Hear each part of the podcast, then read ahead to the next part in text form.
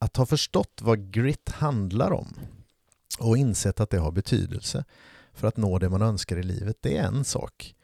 Förståelse och insikt om en så viktig princip vill jag förstås förmedla till mina elever. Men jag vill också vara en lärare som är en grit-förebild genom att synliggöra hur jag försöker utveckla min grit. På så sätt kanske eleverna kan få chansen att själva utveckla sin grit i skolan, på fritiden, ja, i hela livet.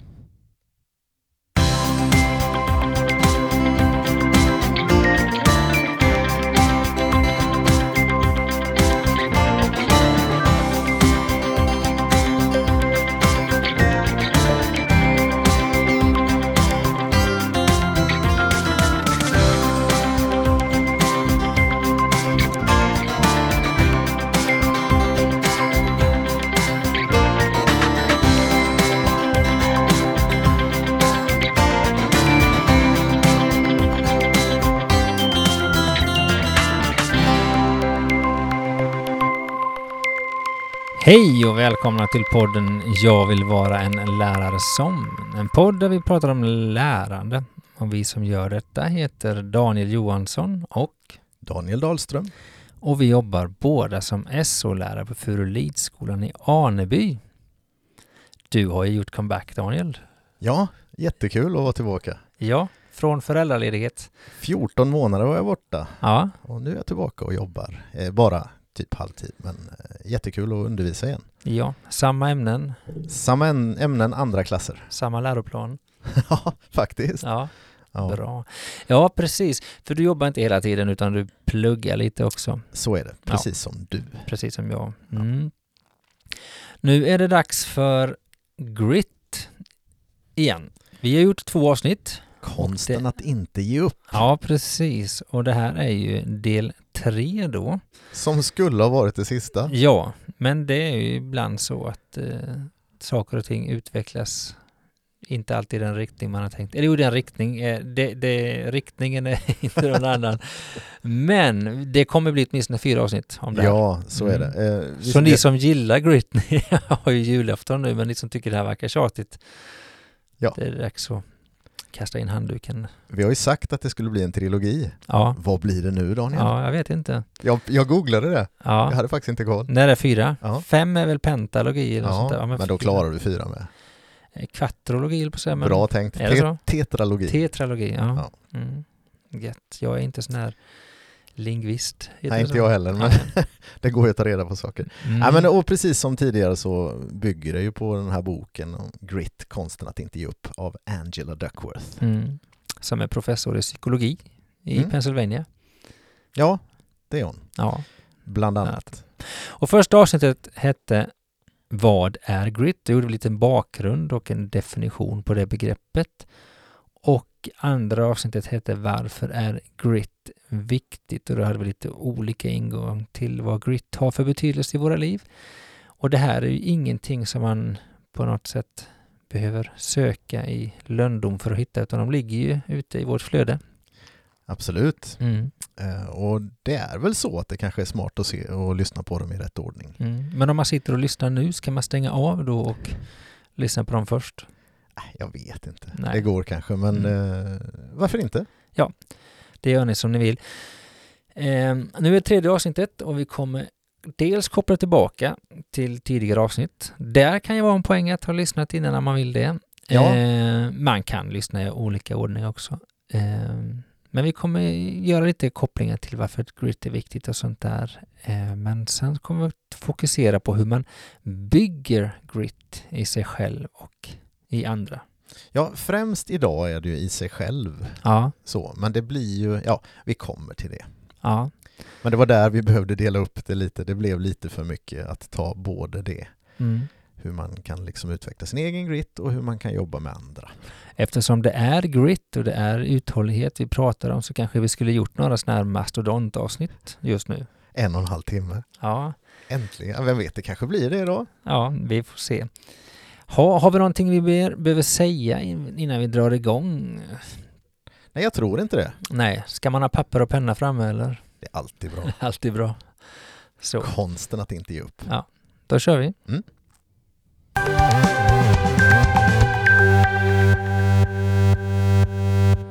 Mm. Varför är grit betydelsefullt och viktigt, Daniel? Vi pratade en del om det sist och jag förstår att det har dykt upp lite mer tankar i din skalle, eller hur ska man säga? Ja, men det gör ju ofta det. Ja, Nej, men man kan väl säga att just bara repetera jättekort vad det var vi sa. Inte så dumt. nej, Just det här att alltså vill man lyckas med någonting så är det bra att utveckla sin grit. mm. För det är liksom grit som är den, verkar det som i Angelas forskning, den, den helt klart avgörande faktorn för Mm. om man eh, kommer att lyckas eller Mm. inte Mm. men med det man företar sig. Och eh, vi hade lite funderingar sist kring det här med vår fascination kanske kring naturbegåvningar eller talang sådär. ja, Och faktiskt fått lite återkoppling från en lyssnare kring detta. okej, Eh, Det blev en liten diskussion där på Facebook Ja. och han ifrågasatte lite det här Eh, och jag tyckte det var spännande. ja, Och han tog Mästarnas Mästare som exempel ja, och att deltagarna där pratar väldigt lite om talang. mm. De pratar mycket om just trä, att de är träningsprodukter. Ja. Liksom. Det har jag tänkt på flera gånger just det här Ja. att det är ofta de pratar om det här att jag var ingen talang, men jag tränade. ja, men precis. Ja, Och, och då är det ju intressant, sitter vi här och pratar strunt nu då som säger att vi har en liten fascination kring talang? Eller hur ska Ja. man se på det? Alltså, Ja. Här fick jag en liten tankeställare kring detta. Eller är det kanske så att just idrottarnas egen förklaring ja. är lite mer, vad ska man säga, balanserad? Men jag tänker att fascinationen för talang kanske främst finns hos de som inte har tagit sig igenom hela den processen, men de som vet hur mycket hårt jobb som inne, eller det innebär att komma till den positionen, de vill inte prata talang. Jag tror att det finns en viss skillnad där. Jag är inte fotbollsspelare och jag kan ju titta på fotboll och tycka att det är jättevackert och då kan jag ju kanske lätt fascineras över talang. Men den som är fotbollsspelare har lagt ner de här 15 000 timmarna kanske. Mm. Alltså förstår du skillnaden? Ja, men jag, min, min tolkning är ungefär något i Ja. den stilen, att jag tror att det är så. Eller så är det så att det faktiskt håller på att förändras. Ja, kanske. Synen på det här, vad det är som leder till framgång. Mm. Väldigt spännande. Vi, vi behöver kanske inte gå djupare i det nu, men det är Nej. kul att få eh, återkoppling. Då Och blir det, det sju avsnitt av Grit. ja, det kan det bli. Ja. Eh, Men eh, ja, hur som helst. Ja. Det var en liten kommentar på det. Jag, jag ramlade över en, en liten artikel här på en sida som heter forskning.se. Ja. Grit är grejen om du vill lyckas i skolan, hette Ja. artikeln. ja, jag känner igen det där. Ja jag, Alltså- ja, jag vet inte. Jag tror inte jag hade läst den innan. Men Nej. jag, jag lite snabbt gick in och kikade Ja, på mm. den och då är det Lotta Nylander heter hon som har skrivit den. Och det är Torkel Kling, Klingberg Ja, som eh, är intervjuad här och Mm. uttalar sig lite grann. Och jag tänkte bara det var lite kul att, att referera den här. Jag tror att jag har använt den här artikeln i en uppgift jag har gjort här strax innan jul faktiskt. Vad är därför jag roligt. känner igen den. Ja, Ja, okej. I mina studier. Eh, Torkel Klingberg är ju svensk läkare och professor i kognitiv neurovetenskap vid Mm. Karolinska institutet, Mm. om jag inte har helt fel. Mm. Och jag tror att du har läst någon bok av honom va? Ja. Det har jag. Just på temat hjärnan och... Gener eh, i hjärn, vänta, gener hjärna och jävlar anamma heter den. Så heter den ja. Mm. Och det är någon sorts eh, svensk omskrivning av grit. Ja, bland annat. Ja. Ja, ja, men jag tänkte det senare. ja, ja precis, precis. där. Ja, jo, men han är tydlig med det att det finns, man kan kompensera för, Mm. alltså det finns olikheter genetiskt säger han. Ja, just det. Eh, Eller biologiskt, eller hur man, vilket ord man använder, jag vet ja, inte. Ja, Ja, precis. Men att det går att komplettera, kompensera ska jag säga, inte komplettera, kompensera för det genom att eh, faktiskt knyta näven i fickan och göra jobbet. Nej, men lite det vi pratar om nu, vi pratar om grit. Mm.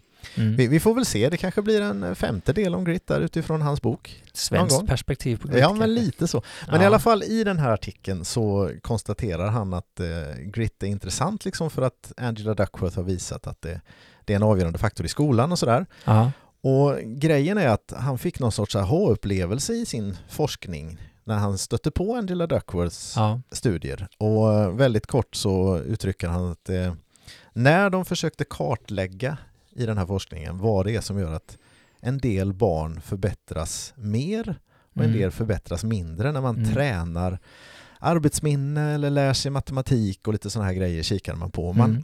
man hittade inte riktigt någon bra förklaring. Nej. Man, man hade huvudspåret motivation tror jag, Mm. men det förklarade inte riktigt vad det var. Mm. Eh, och då testade de att lägga till eh, grit som en faktor Mm. och helt plötsligt föll det på plats. Mm. Eh, det var alltså inte motivation och det var inte IQ som, som kunde förklara varför det gick olika fort att lära sig, Mm. utan det, var, det handlade mest om grit. Och eh, det här är ju spännande, det är ungefär vad, vad Angela Duckworth påstår. Mm. Men här har vi en svensk hjärnforskare som, som liksom, eh, ja, drar samma slutsats. Mm. Och det är klart, det här blir ju någonstans väldigt intressant för mig som lärare eller som förälder eller som ledare. Mm. Är det då så att grit, om det är så viktigt, så är det kanske det viktigaste jag kan då ge till mina elever, barn, spelare. Mm. Att försöka ge dem en, en schysst bild av grit. Att ha en Mm. schysst chans att utveckla sin grit. När jag, när jag snubblade över den här artikeln som du återkopplar till här så gjorde jag ett litet arbete där jag ställde två förhållningssätt mot varandra lite. Mhm. För jag har läst en del eh, på olika sidor och sånt där. Jag tror till och med det finns på Skolverkets, nej, Skolinspektionens hemsida och sånt där. Man pratar mycket om det här med stimulans, att stimulera elever och eh, att jobba med det som ett verktyg för att få elever motiverade att fortsätta jobba, att inte tappa fokus och sånt där. Någon sorts lustfyllt eller liksom att det ska varieras? Eller, Ja, eh, Var, varia, en variation, alltså vi har ju pratat variation i den här Mm. podden innan, men, men variation kan kanske gå till överdrift, tolkar jag det lite som. Där man hela tiden inte vill tappa eleverna genom att eh, jobba med stimulans. Och jag blir lite rädd att vi, vi någonstans eh, ehm, motverkar grit när vi hela tiden vill jobba med att stimulera elever för att vi inte ska tappa dem. Alltså att man vänjer sig Mm. vid det här. Ungefär som du tänker dig en mobiltelefon funkar eller sociala medier eller internet. Alltså det är snabba klipp, det är nya Mm. saker som lockar in uppmärksamhet hela tiden. Ska vi hänga på den trenden eller Ja. ska vi kontrastera och, och träna grit istället? Ja, jag blir lite motvalls när jag hör det typet av resonemang. Jag tänker att vi kanske borde träna mer grit och det var min uppgift. Vi ska inte fördjupa oss i den, men då stötte jag på den här eh, Ja. Mm, artikeln. Jag skrev lite om det. Där jag men- förespråkade ett grit-perspektiv, eller synsätt. Ja men spännande Daniel. Ja. Eh, Och, och liksom... Men hur gör man då det här? Ja, Alltså om jag önskar att utveckla min egen grit eller andras grit eller sådär. Och det, det är det vi ska börja undersöka nu. Grit är viktigt. Det är en avgörande faktor och då borde vi försöka utveckla detta. mm. det låter rimligt.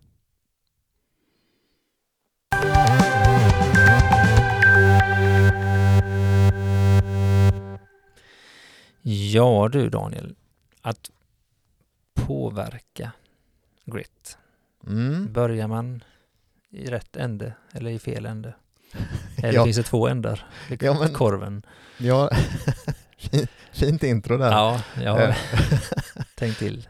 Men eh, ja, saken är väl att man kan angripa det från två håll. Eh, Hon, Ja. hon gör det i boken Ja, och då är det inifrån och ut eller utifrån och in. ja. Och Det- och eh, det känns lite logiskt att börja med det här inifrån och ut. Alltså hur kan jag jobba med mig själv? Mm. Eh, Kan jag utveckla min grit?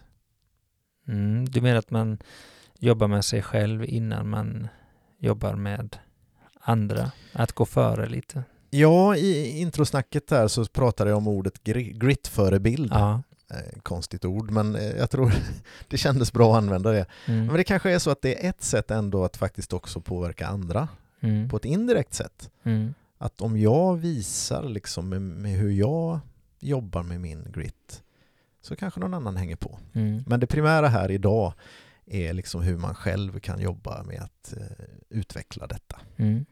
Vad finns det för nycklar där liksom? Jättespännande. Jag tänker att när vi pratar podd, eller när vi pratar utifrån våran podd så pratar vi mycket om att vara lärare, att vara ledare, att vara förälder. Alla de typerna av uppgifter innebär ju något slags, ja, ja du, du är ju där med din person. Du kan inte bara göra ett jobb och du behöver på något sätt vara det du försöker förmedla i alla de typerna av rollerna. Ja, men det finns ju något gammalt talesätt kring det här att eh, barnen gör inte som man säger utan de gör som man gör. Mm. Eller sådär. Och det Mm. ligger nog någonting i det liksom. Att Mm. som ledare så, så kan man inte bara prata. Mm. Man måste visa med Mm. sin egen person. Sådär. Jag brukar ju referera till gamla uppgifter. Min första uppsats jag skrev någonsin handlade om att som SO-lärare vara förebild. Eh, Ja, men det kommer jag ihåg. Det har du sagt Mm. någon gång. Ja. Ja. Ja. Eh, och, och till att börja med så är det ju något hoppfullt i det här att det går faktiskt att utveckla grit. Mm. Eh, det hävdar Angela Duckworth med Mm. emfas. Mm. Att eh, så är det. Eh, och det är inte statiskt. Nej. Liksom.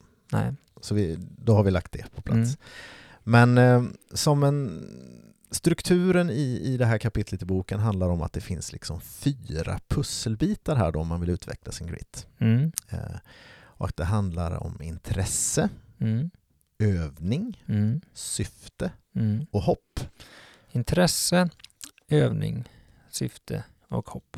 Mm, och då kan vi väl ta dem en i taget. Ja, Jag här. tänker vi behöver utveckla det lite. ja, Ja. ja, men det behöver vi. Och då, om vi börjar med intresse då, Ja. eh, så är det ju tydligt det här att intresse är inte någonting man hittar. Liksom. Det här att det, jag tror att vi, vi har ju pratat lite om det här innan. Mm, men jag tror du behöver utveckla ändå. Ja, men det, det, är liksom, det handlar mer om att odla en passion än om att hitta sin passion. När du säger hitta så menar du att man inte aktivt ska leta, för ibland ramlar man ju över någonting som man blir... Jo, man får gärna leta, men att Ja. ha det här synsättet att, att eh, plötsligt ska jag hitta något som fullständigt drabbar mig Ja. och gör mig så superintresserad. Ja. Då kan man missa någonting intressant. Liksom. Mm. Ibland handlar det om kanske att man kan ta någonting som man faktiskt tycker verkar vara lite intressant och så testar man att utveckla det. Mm. Att odla det, att verkligen Mm. gå in för det. Mm. Nörda in lite. Jag tror inte att du kanske behöver det här rådet lite sådär, för du och jag också tror jag Men jag hittar nya passioner hela tiden. Ja, det kan man göra. Ja. Men att eh, en liten eh, en liten eh, hänvisning till att det handlar mer om att odla än att hitta i alla fall. Mm. Och hon, hon visar på att det är en väldigt liten del den här upptäckarfasen. Det är väldigt mycket att utveckla och det är en hel livstid av att fördjupa ett Mm. intresse. Mm. Eh, man, ska man verkligen liksom få en passion så måste man ha lite tålamod med sina intressen. Mm. Att låta dem jobba över tid. Liksom. Mm. Men intresse då tänker jag spontant, som, ska inte det bygga på lust? Om man, om man tappar lusten, är det inte, eller ska man fortfarande vara uthållig? Tänker jag, egentligen tycker jag det här är kul eller? Ja, alltså, men man kanske måste ge det chansen ordentligt i alla Ja. fall. Eh, och inte bara hoppa från intresse till intresse. Nej. För annars så blir det bara ett intresse, då blir det aldrig en passion. Mm. Och det är passioner som vi behöver för att riktigt, riktigt utveckla grit. Mm. Eh, det räcker inte med ytliga, kortvariga intressen riktigt Nej. sådär. Utan att faktiskt gå in i det ordentligt och, och odla, fördjupa, utveckla Mm. över tid. Man kan nästan se det som en relation. Ja men faktiskt. Ja. Man kan inte bara gå på känslan hela tiden utan man får jobba lite med Ja. sitt intresse också Mm. för att det ska bli en riktig passion. Mm. Eh, För passion är ju något väldigt centralt inom grit. Det handlar ju Mm. om passion och eh, ihärdighet. Mm. Och för att ditt intresse ska bli en passion krävs det tid Mm. och arbete. Mm. Så det är en sån där nyckel då att förstå det. Mm. Att eh, ett intresse kan bli en passion. Men det händer inte bara. Nej. Ja, Det Mm. var första punkten. Mm. Intresse. Nummer två är det här med övning. Eh, man behöver öva. Ja. Och då är det ju, ligger det ju nära till hands att eh, hänvisa till Erikssons forskning. Det här du vet, man ofta hänvisar till med 10 000 timmar. Mm. Eh, som jag ganska ofta kanske missbrukas lite den tanken. Mm. Eh, väldigt kort kring detta liksom är ju att det handlar inte bara om att lägga tid på någonting utan Nej. det handlar om att lägga bra tid Ja. på någonting. Eh, Rätt träning. ja men faktiskt, eh, Mm. målmedveten övning Mm. pratas det om. Mm. Eh, och och för, att, för att riktigt förstå det där med målmedveten träning så tänkte jag bara dra igenom det där. Att om man börjar med att sätta upp mål och utmaningar för sig själv. Så, Mm. det är steg ett i Mm. målmedveten träning. Och sen tränar man. och sen ser man till att få bra återkoppling på sin träning. Mm. Den är viktig. Då behöver man någon... Någon som vet, någon som Ja. kan eller att man på något sätt klarar av att analysera sin egen träning. Men i alla fall få någon typ av återkoppling på det. Mm. Och sen reflektera kring det.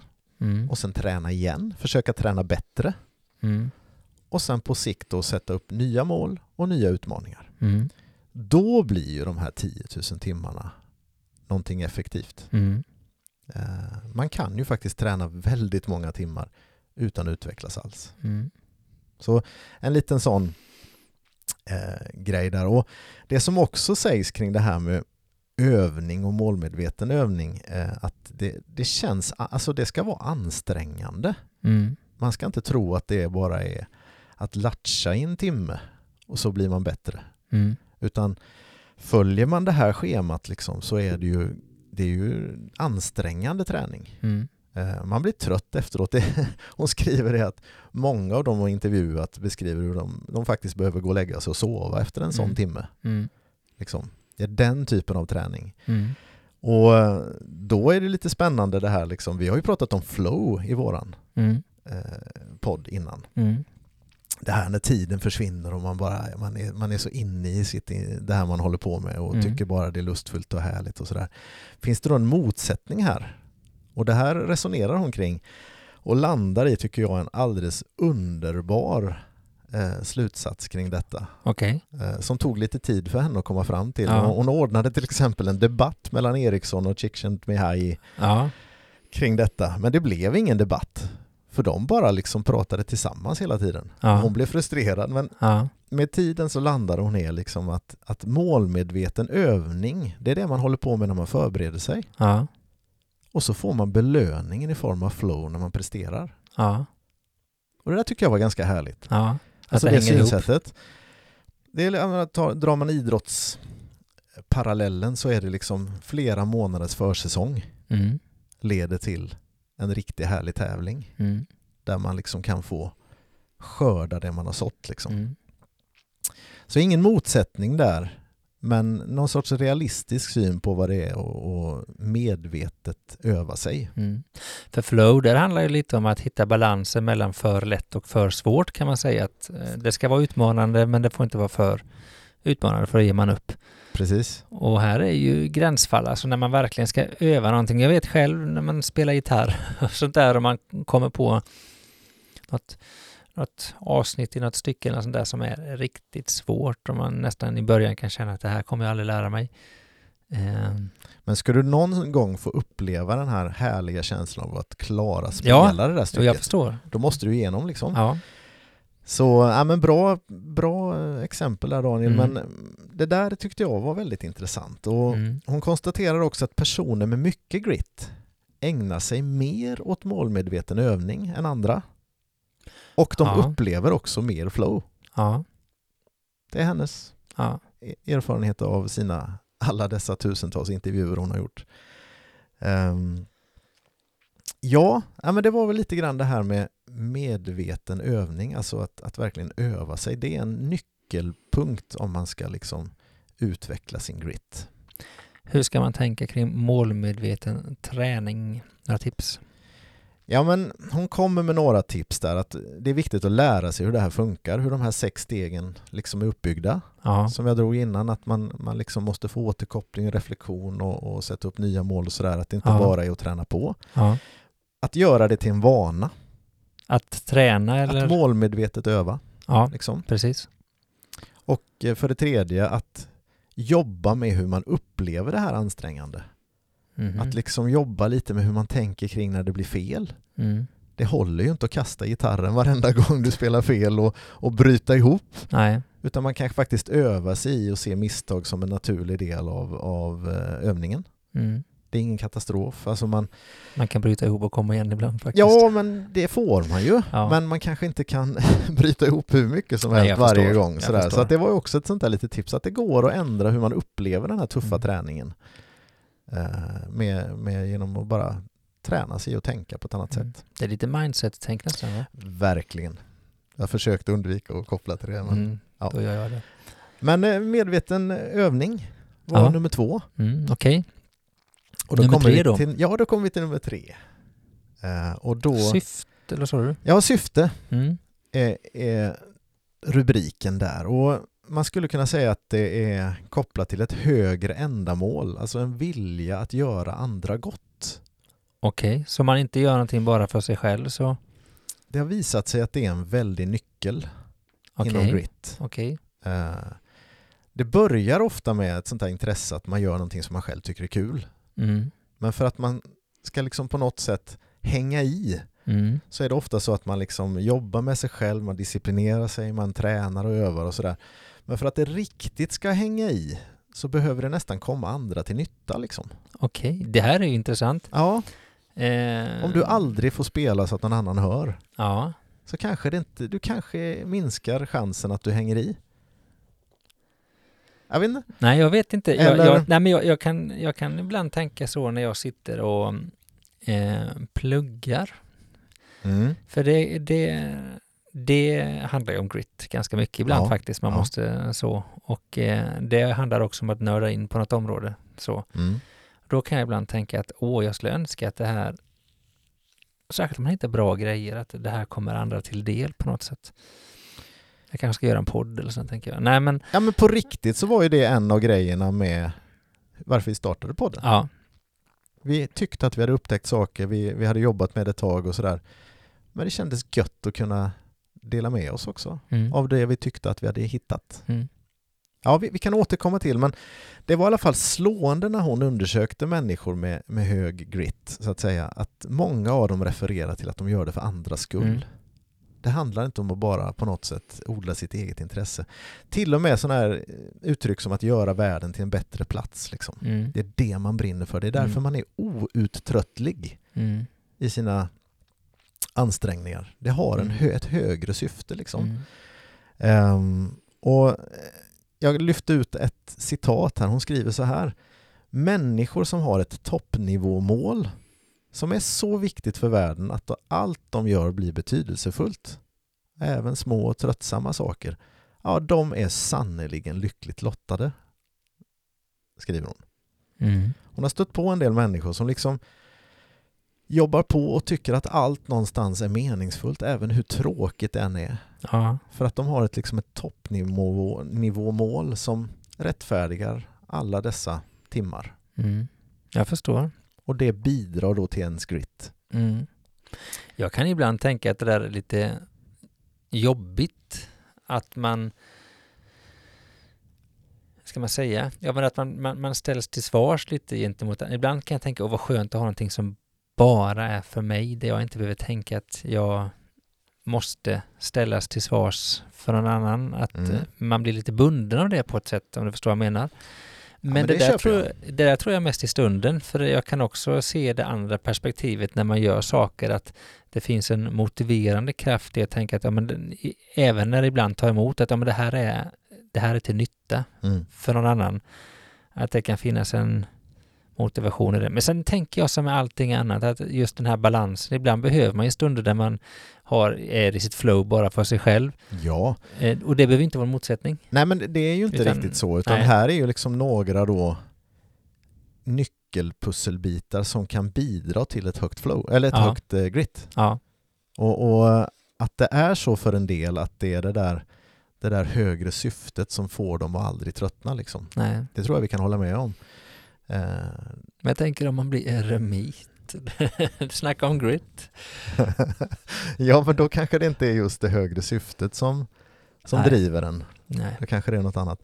Men en, en liten intressant eh, twist på det här är liksom att det är väl lätt att förstå att vissa yrkesgrupper till exempel känner att man har ett högre syfte. Ja. Men då refererar hon till forskning här att oavsett vilket jobb man har så kan man ägna sig åt jobbsmide, kallar de det åt. Alltså att, att fila lite på det man gör i sitt yrke och, och på så sätt få det att kännas mer meningsfullt. Mm. Att liksom med små, små förändringar i det man gör och varför man gör det kan få jobbet man gör att kännas mer i linje med mina innersta värderingar Mm. och med sånt som jag tycker är riktigt viktigt. Mm. Eh, och att man kan liksom jobba med den här trestegsraketen. Är det bara ett jobb? Mm. Är det en karriär? Mm. Det är liksom ett snäpp upp där. Eller det är ett kall. Mm. Och att vilket yrke som helst kan faktiskt bli ett kall Mhm. om man jobbar med att forma det dit Mm. i sitt eget tänkande. Mm. Eh, Jag tyckte det var lite spännande. Och att om man då lyckas med det så är det ett sätt att faktiskt höja sin grit. Mm. Man, man får det att bli mer meningsfullt. Eh, Ett annat tips är att bli inspirerad av någon förebild som har ett väldigt syftesinriktat, in, en syftesinriktad inställning. Mm. Har man någon som ofta pratar i de termerna, "Ah, men du vet det här vi gör, Mm. det är viktigt liksom, Mm. för andra människor. Sådär.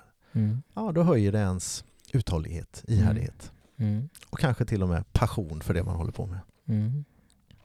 Det gäller ju att tro på det också, så det inte bara blir tomt prat. Nej, det får inte bli en lögn liksom, men det, det, det är ganska häftiga exempel Ja. på hur vissa yrken där som man kanske inte tänker är så lätta att göra Ja. det här med Nej, nej men jag, jag eh, menar det som, bli meningsfulla. som liksom, en på- utmaning faktiskt. för jag tänker ja. liksom att man kan ju liksom, om, om jag får den känslan, alltså att jag verkligen tror på att det här kan jag ha någon nytta för någon annan. Mm. Det är ju en skillnad än om man, de bara lägger det på mig.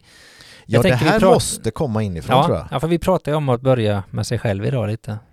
Verkligen. Det, ja, men utifrån tror jag det kan bli tomma ord. Ja, Men däremot kanske från en förebild som lever Ja. det här, ja då kan man, bli, då kan Ja. man ta intryck.